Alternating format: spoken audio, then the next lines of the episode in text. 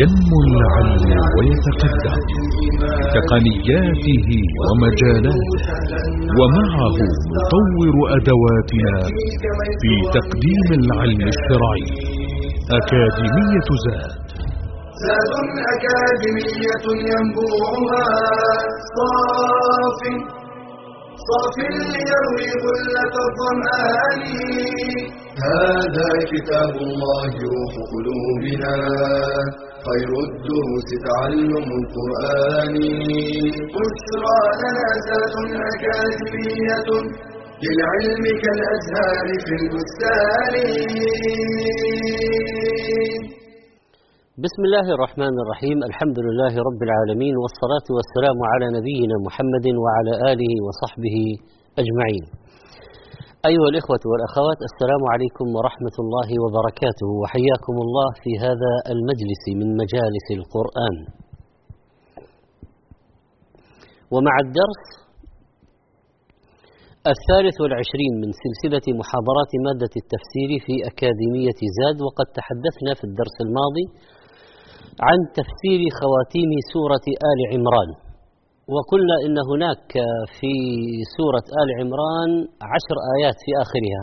آخر عشر آيات عشر عظيمة جدا. وذكرنا في تفسير قوله تعالى إن في خلق السماوات والأرض يعني في إيجادهما وإنشائهما على هذه الصفات من الإبداع والإحكام. واختلاف الليل والنهار أي تعاقبهما وتفاوتهما لآيات أي واضحة وبراهين قاطعة وساطعة على قدرته تعالى وربوبيته عز وجل. لأولي الألباب أي لأصحاب العقول الصافية النقية وهم الذين يذكرون الله قياما وقعودا وعلى جنوبهم مضطجعين ومستلقين فلا يغفلون عن ذكره ويتفكرون في خلق السماوات والأرض استدلالا واعتبارا في صنعهما وإتقانهما وما أبدع الله فيهما فيقودهم هذا إلى تعظيم خالقهما وليدلهم على كمال قدرته فيكون التعظيم وتكون الخشية. ويقولون ربنا ما خلقت هذا باطلا أي عبثا ضائعا بلا حكمة. سبحانك أي ننزهك عن هذا العبث والباطل؟ وعن كل عيب ونقص. فقنا عذاب النار أي ليكون ما وفقتنا إليه واقيا وحاميا ودافعا عنا عذاب جهنم.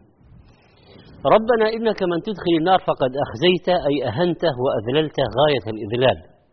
وما للظالمين من أنصار أي يمنعون عنهم عذاب الله. ثم قالوا ربنا إننا ربنا إننا سمعنا مناديا ينادي للإيمان. من هو المنادي؟ محمد صلى الله عليه وسلم. ماذا يقول؟ أن آمنوا بربكم فآمنا.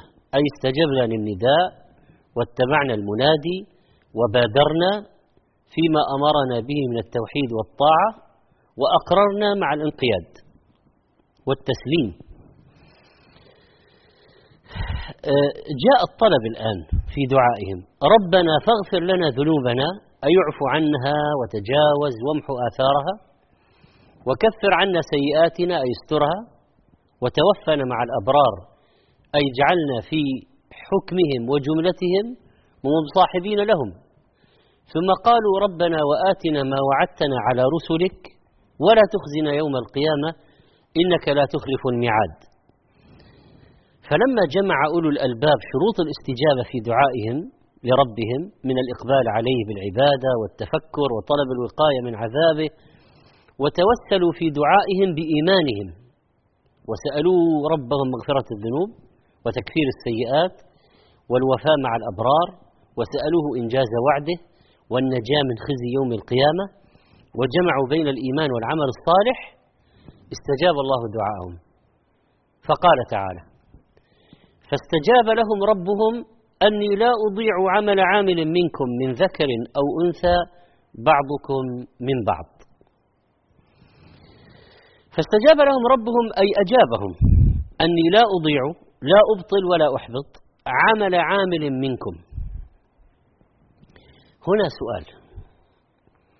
قد يقول قائل إن هؤلاء المؤمنين طلبوا أولا غفران الذنوب فاغفر لنا ذنوبنا. وثانيا إعطاء الثواب. وآتنا ما وعدتنا على رسلك. وقوله أني لا أضيع عمل عامل من عمل عامل منكم هذه إجابة لهم في إعطاء الثواب. فأين الإجابة في طلب غفران الذنوب؟ فاستجاب لهم ربهم أني لا أضيع عمل عامل منكم. هذا في إعطاء الثواب. فأين جواب ما سألوه من؟ فاغفر لنا ذنوبنا وكفر عنا سيئاتنا. والجواب أنه لا يلزم من إسقاط العذاب حصول الثواب لكن يلزم من حصول الثواب سقوط العذاب. فصار قوله أني لا أضيع عمل عامل منكم متضمنا. إجابة دعاء في المطلوبين اغفر لنا ذنوبنا وكفر عنا سيئاتنا. هذا وجه. ووجه آخر أن المراد من قوله تعالى أني لا أضيع عمل عامل منكم لا أضيع دعاءكم. كل الدعاء سواء ما كان فيه مغفرة الذنوب وتكفير السيئات والوفاء مع الأبرار وآتنا ما وعدتنا على رسلك ولا تخزنا يوم القيامة. لا أضيع عمل عامل منكم. يعني كل هذه الأشياء التي سألتموني إياها أعطيتكم إياها. فمعنى لا أضيع عمل عامل منكم وهو هذا الدعاء الذي سألوه بكل ما فيه أجابهم أنه قد حصل مطلوبكم في كل ما سألتموه. فالله تعالى لا يضيع عمل عامل سواء كان من ذكر أو أنثى بعضكم من بعض. ما معناها؟ يعني الذكور والإناث في الثواب سواء. إذا كانوا في التمسك بالطاعة سواء. فهم يشتركون في الدين والنصرة والموالاة والأصل. بعضكم من بعض فإذا كل ما طلبه الشرع من الذكور والإناث فإنهما أي الجنسين سواء في ثوابه. يعني إذا صامت الأنثى وصام الذكر الأجر واحد. إذا قال سبحان الله وقالت سبحان الله الأجر واحد. وهكذا. تلاوة القرآن مثلا. لكن قد يطلب الله من الذكور أشياء لا يطلبها من الإناث. كصلاة الجمعة. مثلا. الجهاد في سبيل الله. مثلا. يطلب من الإناث أشياء لا يطلبها من الذكور كالحجاب. مثلا. لكن في الأشياء الأخرى المطلوبة من الجنسين الأجر واحد. من ذكر أو أنثى بعضكم من بعض. ثم ذكر الله ثم ذكر الله تعالى لهم خمسة أوصاف لهؤلاء المؤمنين من أولي الألباب المذكورين في آخر سورة آل عمران الذين يتفكرون في خلق السماوات والأرض. والذين دعوا بهذه الأدعية ذكر سبحانه وتعالى أني لا أضيع عمل عامل منكم من ذكر أو أنثى بعضكم من بعض فالذين هاجروا وتركوا دار الشرك إلى دار الإيمان وفارقوا الأموال والأصحاب والأحباب والخلان والجيران في مرضاة الرحمن هاجروا. الوصف الثاني وأخرجوا من ديارهم بقهر الكفار ومضايقتهم حتى ألجأوهم إلى الخروج من بلدهم. والخروج من الديار صعب جدا جدا على النفس.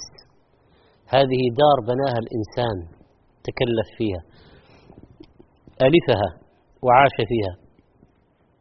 الآن يخرجون منها. يحصل الآن في العراق والشام إخراج من الديار قهرا. فالذين هاجروا الوصف الأول وأخرجوا من ديارهم الوصف الثاني وأوذوا في سبيلي الوصف الثالث بأنواع الإيذاء بسبب إيمانهم. وقاتلوا الوصف الرابع قاتلوا أعداء الله جهادا في سبيل الله لإعلاء كلمته. لا رياء ولا سمعة ولا عصبية ولا ليقال فلان جريء شجاع ولا لأجل مغانم. قال في الوصف الخامس وقتلوا. وفي قراءة وقتلوا. وقاتلوا وقتلوا وقاتلوا وقتلوا. كل ذلك في المعركة وكانوا صابرين.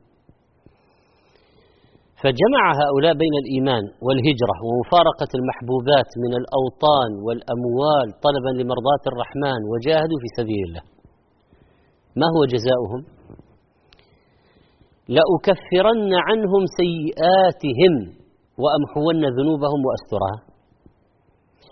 ولأدخلنهم جنات تجري من تحتها أي خلالها وتحت أشجارها وقصورها ومساكنها. الأنهار أي بأنواعها من الماء واللبن والعسل والخمر. ثوابا من عند الله أي من فضله وإحسانه. والله عنده حسن الثواب أي الجزاء الموفور في الجنة مما لا عين رأت ولا أذن سمعت ولا خطر على قلب بشر. طيب ما هو الثواب؟ ما يعطاه الإنسان. فمن أراده فليطلبه من الله بطاعته والتقرب إليه بما يقدر عليه العبد. لهذه الآية سبب نزول لطيف. قالت أم سلمة رضي الله عنها يا رسول الله لا أسمع الله ذكر النساء في الهجرة لأن أم سلمة من المهاجرات الأول من مكة وقصتها في الهجرة مؤلمة كيف فرقوا بينها وبين زوجها وقضية الولد وال... فأنزل الله تعالى أني لا أضيع عمل عامل منكم من ذكر أو أنثى بعضكم من بعض. وهذا حديث صحيح رواه الترمذي. وكانت أم سلمة أول ضعينة يعني امرأة قدمت المدينة مهاجرة يعني من مكة.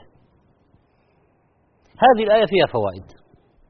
أولا سرعة استجابة الله عز وجل للدعاء ثانيا كرم الله وسعة عطائه بإيتاء المؤمنين كل ما سألوه على كثرة مطلوباتهم.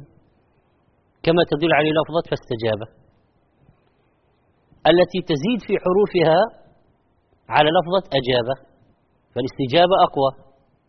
استجاب أقوى من أجابة وفيها أنه لا يضيع عمل عامل عند الله وأن الله يضمن الأجور.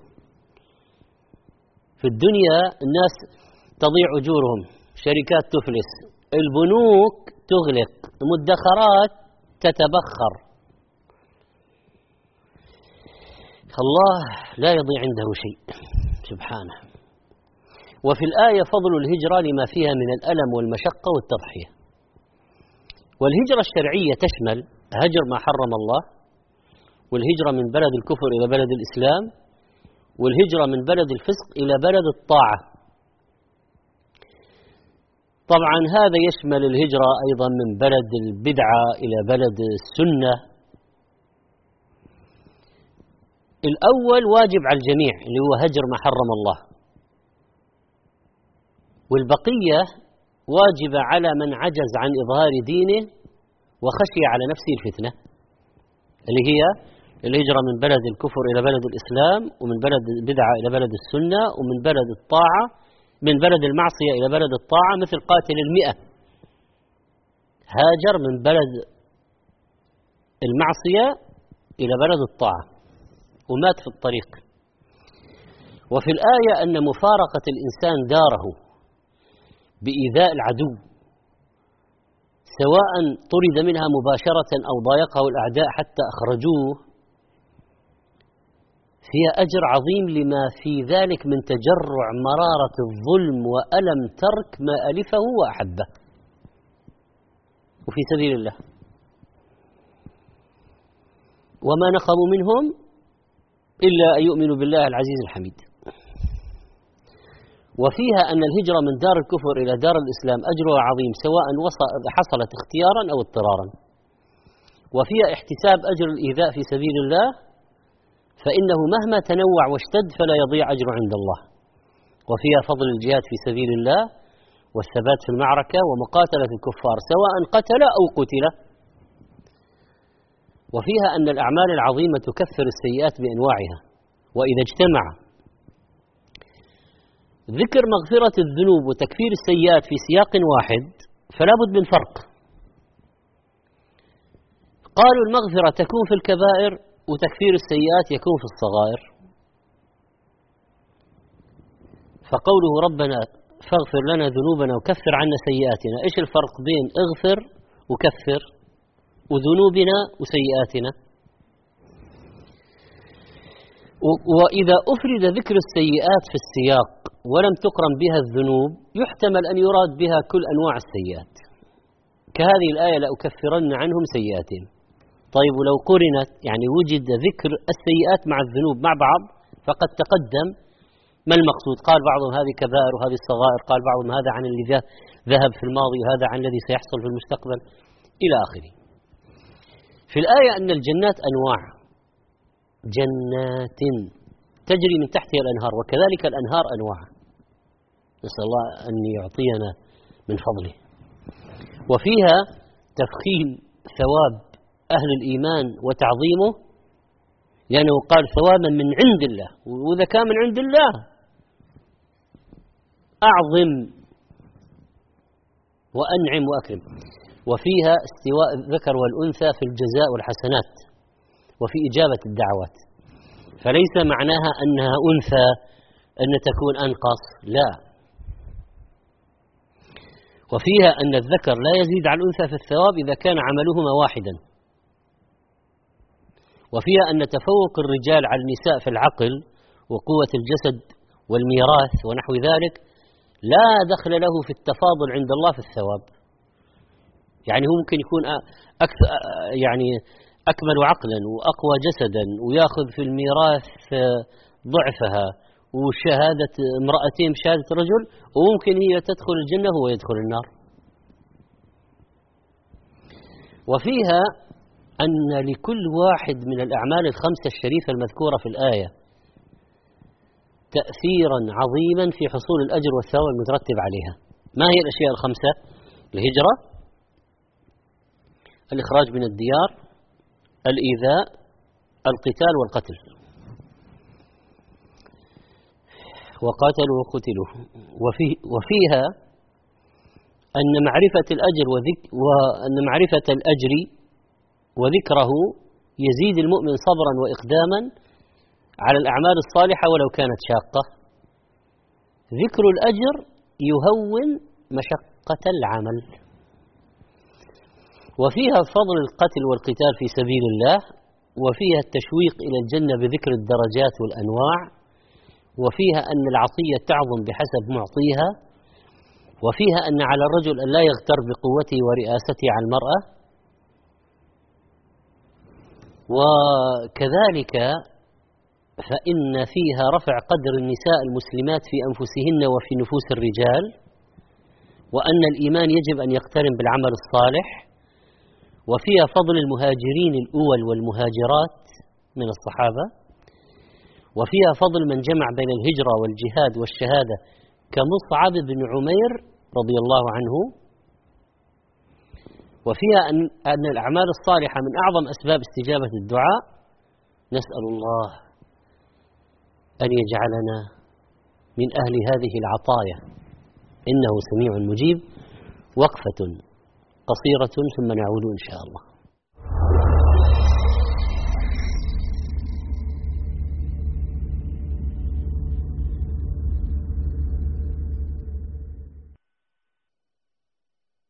قد خلت من قبلكم سنن فسيروا في الأرض فانظروا كيف كان عاقبة المكذبين.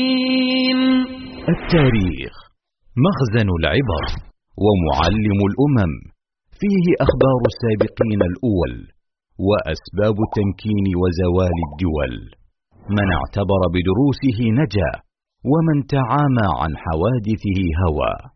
وقد عني القرآن بذكر الكثير من القصص والتنويع في أحداثها لتوجيه الأنظار إلى الاعتبار بأحوال الأمم في كفرهم وإيمانهم وشقاوتهم وسعادتهم. فلا شيء يهدي الإنسان كالمثولات والوقائع. قال تعالى فاقصص القصص لعلهم يتفكرون. ومن هنا ينجلي للعاقل أهمية العلم بالتاريخ وعلو شأنه فإذا نظر الإنسان إلى أحوال الأمم السالفة وأسباب قوتهم وضعفهم وعزهم وذلهم حمله ذلك على حسن الأسوة والاقتداء بأسباب السعادة والتمكين واجتناب ما كان من أسباب الشقاوة والهلاك والتدمير وأن التحولات في أحوال الأمم من رخاء إلى شدة ومن شدة إلى رخاء. إنما هو من جراء أعمال العباد. قال الله تعالى إن الله لا يغير ما بقوم حتى يغيروا ما بأنفسهم. فمن فوائد وثمرات دراسة التاريخ الإحاطة بالتطبيق العملي للإسلام وذلك من خلال السيرة النبوية. العلم بأن الأمة مكلفة بهدف عظيم وهو عمارة الأرض بمنهج الله تعالى. العلم بأعداء الأمة والعلم بطبيعة الصراع بين الحق والباطل. فهم الحاضر لأن الحاضر جزء من الماضي فمن لم يعتبر بماضيه لن ينتفع بحاضره. إدراك سنن الله تعالى في هذا الكون وأنها لا تحابي أحدا. قال تعالى فهل ينظرون إلا سنة الأولين؟ فلن تجد لسنة الله تبديلا. ولن تجد لسنة الله تحويلا.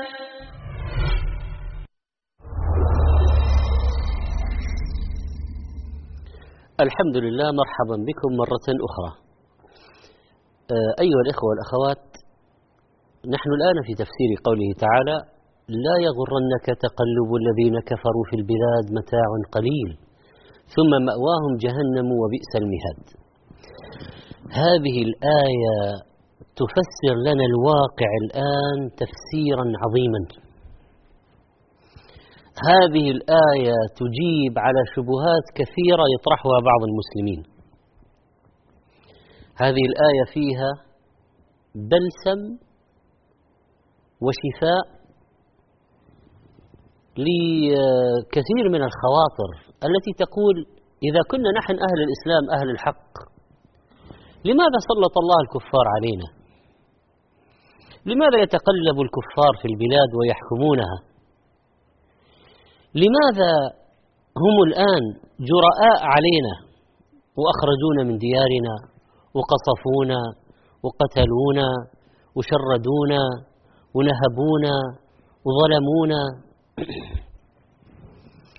إذا كان هؤلاء كفروا به فلماذا لهم التقدم والقوة الاقتصادية والعسكرية والإعلامية وعندهم تقنية.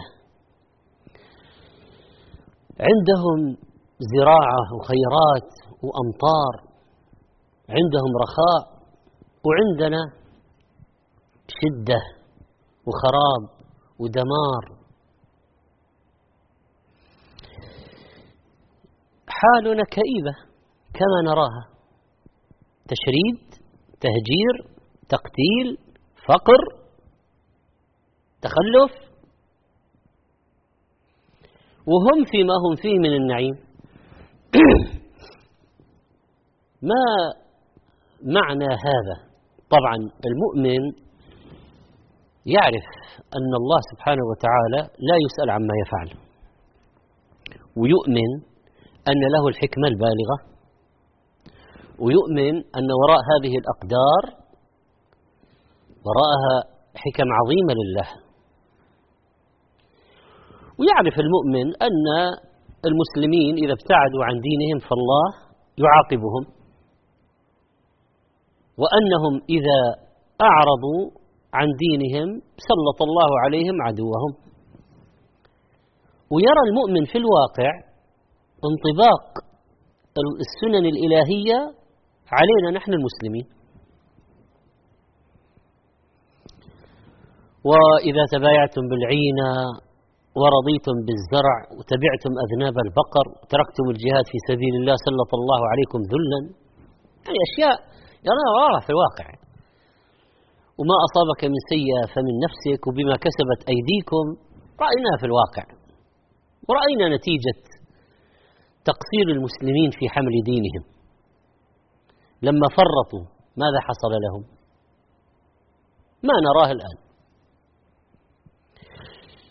لكن لماذا يسلط الله الكفار؟ الآيات هذه فيها والله فيها آه علاج نفسي عظيم وبيان شفاء كبير للغاية. لا يغرنك تقلب الذين كفروا في البلاد متاع قليل ثم مأواهم جهنم وبئس المهاد. ما علاقتها بما قبلها؟ لما ذكر تعالى إيذاء الكفار للمسلمين وإخراجهم من ديارهم وقتالهم إياهم وكان كفار مكة في الحرم كانوا في يعني كانت قريش المشركة في مكة. والحرم تجبى إليه ثمرات كل شيء يعني اقتصاديا كان كفار قريش أقوى وسلاحا وعددا وعتادا. وكان المسلمون مع النبي صلى الله عليه وسلم في المدينة في فقر. الوضع الاقتصادي للمدينة أقل بكثير من الوضع الاقتصادي لمكة. فالله سلى نبيه والمؤمنين. وذكر ما أعد لهم من الثواب. وكان من المناسب أن يتبع ذلك بذكر ما أعد للكافرين من العذاب في الآخرة. فقال تعالى يسلي المؤمنين عما هم فيه من الشدة. ومعهم نبي صلى الله عليه وسلم على رأسهم. شو الخطاب؟ لا يغرنك يعني لا يخدعنك وأنت ترى حال الفريقين. لا يغرنك تقلب الذين كفروا في البلاد. ما معنى تقلب؟ تنقلهم في المكاسب والتجارات والقوة والسيطرة والهيمنة وحسن المعايش واللذات. يعني عندهم الآن يقول الناس عندهم المباني أحسن والزراعة أحسن والتعليم أحسن والصحة أحسن والنظام أحسن والإدارة أحسن والملاحة أحسن والمراكب أحسن والآلات والمعدات والتقنيات وال... لا يغرنك تقلب الذين كفروا في البلاد. لا يغرنكم يا أيها المسلمون ترف هؤلاء الكفار. لا يخدعنكم ألوان النعيم التي يتقلبون فيها. لا تقعوا في حيرة شبهة لماذا يتقلبون في الغبطة والسرور. فإن الله الذي مكنهم من هذا التقلب في عالم الصناعات والماديات قادر على إفقارهم وسلبهم إياها وقادر على أخذهم وما يملكون وإذهاب نعيمهم ومحق ثرواتهم.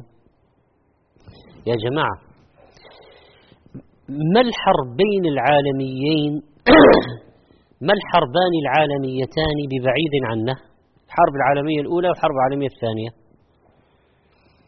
يعني مركزها الرئيسي كانت في عقر ديار الكفار. ماذا حصل لهم؟ ماذا حصل؟ يعني في اليابان وروسيا وأوروبا ألمانيا بريطانيا فرنسا إلى آخره ماذا حصل؟ دمار. قتل عشرات الملايين. صح ولا لا؟ حصل أو لم يحصل. هذه الانهيار الاقتصادي في 2008 الذي حاولوا استدراكه لكن ماس وقعت بهم مجزرة مالية خسائر هائلة يعني انهارت شركات ومصانع وبنوك. هل بعيد أن يحصل لهم ما هو أشد منها؟ أبدا. بل إن الأدلة الدالة على أن الله سينزل بهم عذابا أليما. يعني وإن من قرية إلا نحن مهلكوها قبل يوم القيامة أو معذبوها عذابا شديدا كان ذلك في الكتاب مسطورة. فلا بد أن يحل بهم هذا. ولا يزال الذين كفروا تصيبهم بما صنعوا قارعة أو تحل قريبا من دارهم. لا بد أن يصيبهم هذا. إن حقا على الله أن لا يرتفع شيء إلا وضعه. ارتفعوا ولا بقي أن يضعهم. ما قال في كتابه حتى إذا أخذت الأرض زخرفها وزينت وظن أهلها أنهم قادرون عليها. يتحكمون في كل شيء. أقمار فضائية. يتحكمون في كل شيء. جاءها أمرنا. أتاها أمرنا. فجعلناها حصيدا كأن لم تغن بالأمس.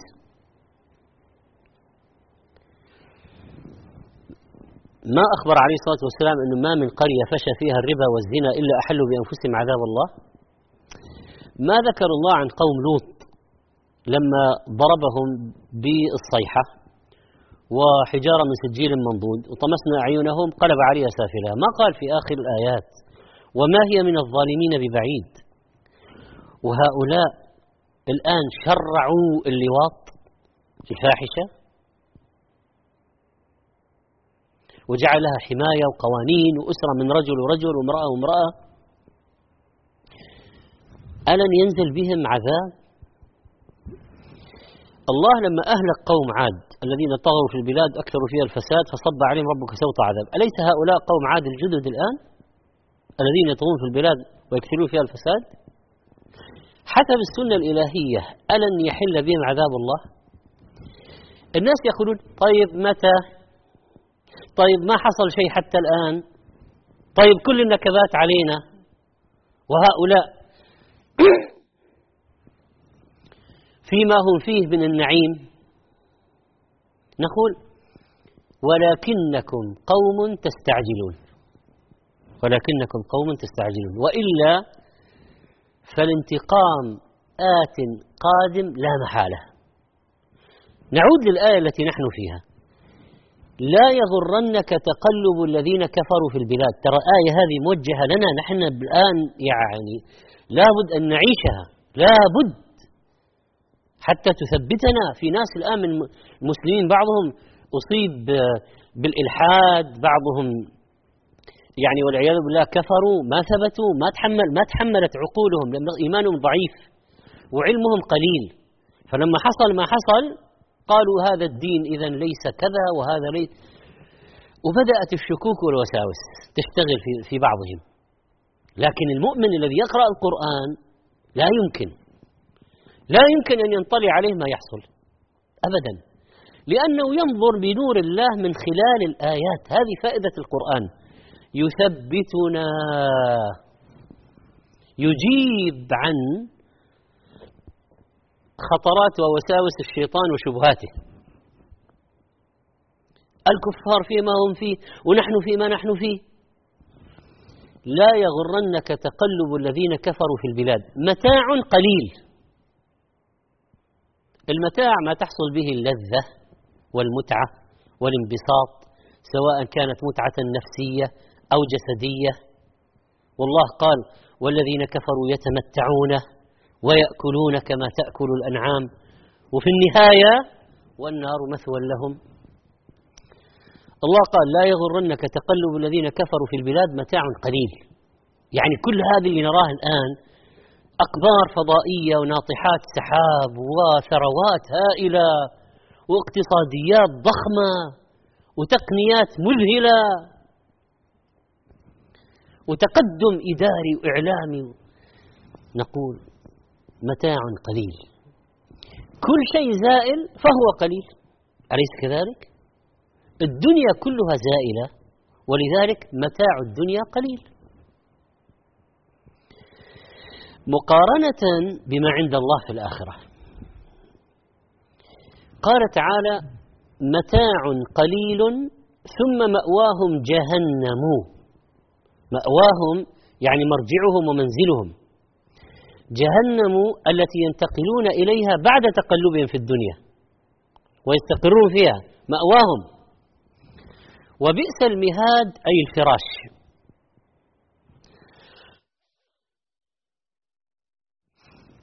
والمهاد مكان الاستقرار. كما قال تعالى ألم نجعل الأرض مهادا؟ يعني ممهدة للخلق ساكنة ثابتة. وفي الآيتين من الفوائد بيان النظرة الصحيحة لمتاع الدنيا حتى لا يحصل بها الاغترار ولا يصح أن نعطيها حجما أكبر من حجمها ولا ننشغل بها عن الدار الآخرة. وفي الآية جواب عن شبهات وشفاء للصدور كقول البعض لقد أنعم الله على الكفار بالمال والثروات والتقدم والازدهار ورغد العيش والبيئة الصحية والتطور التقني والاختراعات الحديثة مع أنهم مشركون كفرة يجعلون له الولد بل يجحدونه ويلحدون وينكرونه. ويكذبون نبيه محمد صلى الله عليه وسلم ويسبونه ويعتدون على أهل الإسلام ويظلمونهم. وأهل الإسلام يؤمنون بالله تعالى وبنبيه صلى الله عليه وسلم ويصلون ويقيمون الشعائر وكثير منهم في فقر وجوع وتخلف ومصائب وابتلاءات أوضاع معيشية صعبة. فأين الحكمة في هذا؟ والجواب لا يغرنك تقلب الذين كفروا في البلاد متاع قليل ثم مأواهم جهنم وبئس المهاد فالله تعالى أعطى الكفار ما أعطاهم استدراجا لهم ليغتروا بما هم فيه وليكون منهم العلو والفساد في الأرض بعدين يا إخواني إذا كان الكفار ما أعطوا هذا أين الابتلاء؟ أين الاختبار؟ يعني لو كان دائما المسلمين دائما لهم القوة والغلبة في الدنيا والأجر والجنة في الآخرة. يعني أين الاختبار؟ أين الامتحان؟ أين المحكات التي يعرف فيها ثبات من يثبت وهلاك من يهلك؟ ومن من المسلمين عنده فقه وعلم وإيمان يثبته؟ ومن عنده جهل وضعف ويغتر بالظاهر وينحرف ويزل يهلك. واضح. فيها حكمة إلهية. وتلك الأيام نداولها بين الناس. ثم يعني كيف سيعود المسلمين كيف سيعود المسلمون إلى دينهم ويعرفون خطأ أنفسهم واستدراك ما فاتهم إذا ما حصل مثل هذا التسليط للعدو. وكيف سيكون منهم شهداء وكيف وكيف؟ ولذلك ولذلك الجواب واضح في الآية. والله الذي لا إله إلا هو كأن الآيات هذه نزلت فينا اليوم. فينا اليوم. لا يغرنك تقلب الذين كفروا في البلاد متاع قليل. ثم مأواهم جهنم وبئس المهاد. مزيد من الرد على هذه الشبهة من خلال الآيات بعد قليل إن شاء الله تعالى نعود إليكم.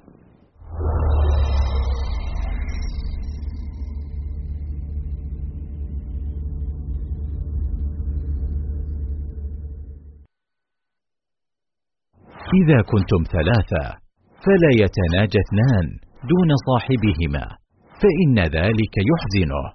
أدب يعلمنا إياه نبينا صلى الله عليه وسلم من خلال النهي عن التناجي وهو أن يستأثر اثنان بالحديث سرا دون الثالث أو ثلاثة دون الرابع أو أربعة دون الخامس وهكذا. فإن هذا لون من إلحاق الأذى بالمسلم لأنه يعود عليه بالحزن والخوف. وربما ظن أن ذلك لاحتقاره والحط من كرامته فيزيده ذلك غما وحزنا. لذا حرم الإسلام التناجي كما قال تعالى ألم تر إلى الذين نهوا عن النجوى ثم يعودون لما نهوا عنه ويتناجون بالإثم والعدوان؟ ومن الحمد لله حياكم الله مرحبا بكم مرة أخرى. ومع هذه الآية العظيمة التي تصف الواقع ونحن الآن نعيشه لحظة بلحظة والأخبار تتوالى علينا في مصائب المسلمين ونرى تفوق الكافرين والهيمنة. والله يقول لا يغرنك تقلب الذين كفروا في البلاد. متاع قليل. ثم مأواهم جهنم وبئس المهاد. سيؤذن الله بهلاكهم وزوالهم ويأخذهم وسيحل بهم بطشه وانتقامه. يعطيهم ما يعطيهم مهلة واستدراجا. إنما نملي لهم ليزدادوا إثما. كيف سيزدادون إثما إذا ما فتح عليهم؟ وكيف نحن سنؤجر على الابتلاء إذا ما ضيق علينا؟ طبيعة الدنيا الدنيا سجن المؤمن وجنة الكافر. يعني هل يعني فعلا بعض الناس يقول كأنه يريد أنك أن يكون دائما دائما يكون المسلمون دائما يعني في قوة الدنيا وال يعني لهم الآخرة والدنيا دائما؟ لا. الحكمة تقتضي أن هذا يعني الدنيا هذه دار الابتلاء لازم يكون فيها شدة. لابد أن يكون فيها ابتلاء. اسمها دنيا أه، لو كانت الدنيا عند الله تزن جناح بعوضة ما سقى منها كافرا شربة ماء لكن هو يعطيه يعطي الدنيا من يحب ومن لا يحب ولا يعطي الآخرة إلا من يحب. وبالمناسبة ليست الدنيا دائما للكفار. يعني بالله ما انتصر المسلمون في الفتوحات الإسلامية ما فتحوا بلاد فارس والروم ما كسروا كسرى وقصروا قيصر ما استولى المسلمون على خزائن كسرى من الذهب وخزائن قيصر من الفضة ما أخذوا بلاد آه، المقوقس والقبط في مصر وما أخذوا بلاد المغرب ما أخذوا السند والهند ما وصلوا إلى أذربيجان ما وراء النهر. يعني ملكوا ولا لا؟ أما دخلت جيوش العثمانيين أوروبا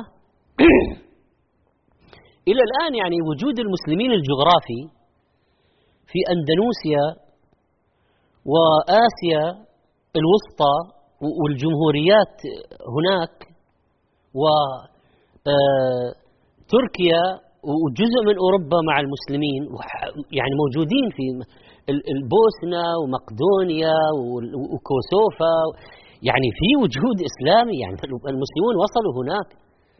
أفريقيا طيب كم في المية منها شعوب إسلامية؟ اذا آه نحن ملكنا نحن هيمنا وسيطرنا. كان في عهد الراشدين وبني أمية وبني العباس والمماليك والدولة العثمانية. فمن قال يعني نحن ما ما ملكنا ابدا في في الدنيا ما صار في كان هناك للمسلمين عزة وقوة. نحن الآن يعني في مرحلة آه، تعتبر استثنائية بالنسبة للتاريخ الإسلامي. ولذلك يجب أن توضع الصورة آه، توضع الأمور في نصابها وننظر للصورة كلها. لا يغرنك تقلب الذين كفروا في البلاد. متاع قليل ثم مأواهم جهنم. سيكون عذابهم يوم القيامة موفورا وبئس المهاد. وأي نعيم سيبقى لهم إذا جاءت الآخرة؟ غمسة واحدة في النار تنسي كل نعيم كان للكفار. وما قيمة التقلب في البلاد والترف والنعيم الدنيوي إذا جاء العذاب المهين المقيم العظيم الأليم؟ وما هم فيه الآن متاع قليل زائل يعني أموالهم إما تذهب عنهم أو يذهب عنها. يعني أغنى كافر. يا يموت يا يفلس. يا يرحل المال عنه يا هو يرحل عن المال. فماذا؟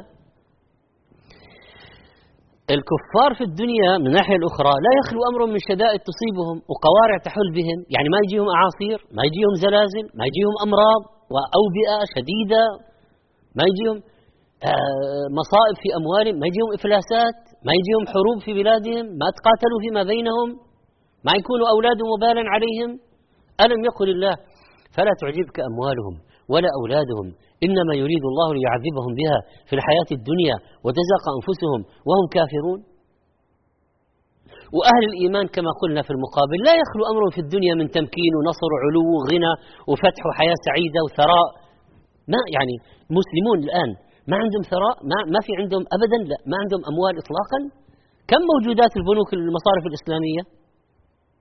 شيء في التريليون يعني في المبالغ هائلة.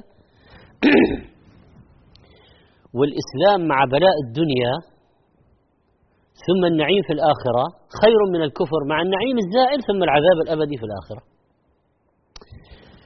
سبحان الله العظيم. الشبهة هذه التي تثار الآن والاعتراض على قضاء الله وقدره واتهام الله بالظلم نعوذ بالله من الخذلان. يعني شيء فظيع. لكن أهل الإيمان لو فقط الواحد يقرأ هذه أواخر آل عمران لا إله إلا الله. في الآيتين أن عطاء الله للعبد في الدنيا من الرخاء وسعة الرزق ونحوه ليس دليلا على رضاه. فقد يستدرج الله المرء بإغداق النعم عليه. قال تعالى ولا يحسبن الذين كفروا أنما نملي لهم خير لأنفسهم إننا نملي لهم ليزدادوا إثما ولهم عذاب مهين. الآية فيها أنه مهما أعطي الإنسان من الدنيا فإنه قليل. الآية فيها أن الابتلاء قبل التمكين ولا يمكن المسلم حتى يبتلى. النبي عليه الصلاة والسلام 13 سنة في مكة في الاستضعاف والقهر وحصار الشعب وقتل من أصحابه من قتل. وفي أحد إيش صار؟ ثم فتح مكة عام كم؟ تسعة. الله يعطي الكافر في الدنيا الأمن ورخاء وصحة ومال يزداد إثما. وفي على المسلمين خوف وابتلاءات تمحيصا ورفع للدرجات. في تحذير لنا في الآية من الاغترار بالدنيا. وفي أن من ظن الشيء الضار نافعا فهو مغرور لا يغرنك. نسأل الله سبحانه وتعالى. أن يجعل العاقبة لأهل الإسلام خيرا. نسأله أن يعجل الفرج لأهل الإيمان. نسأله أن يرفع البأس عن المستضعفين من المسلمين. نسأل الله أن يعجل بإهلاك العدو. نسأل الله أن ينقذ المسلمين في العراق والشام وسائر الأرض. إنه سميع مجيب كريم. أستودعكم الله. والسلام عليكم ورحمة الله وبركاته. يا راغبا في كل علم نافع. متطلعا لزيادة الإيمان. وتريد سهلا النوال ميسرا. يأتيك ميسورا بأي مكان. زاد زاد أكاديمية ينبوعها صاف. صاف ليروي غلة الظمآن. هذا كتاب الله روح قلوبنا. خير الدروس تعلم القرآن. بشرى لنا أكاديمية للعلم كالأزهار في البستان.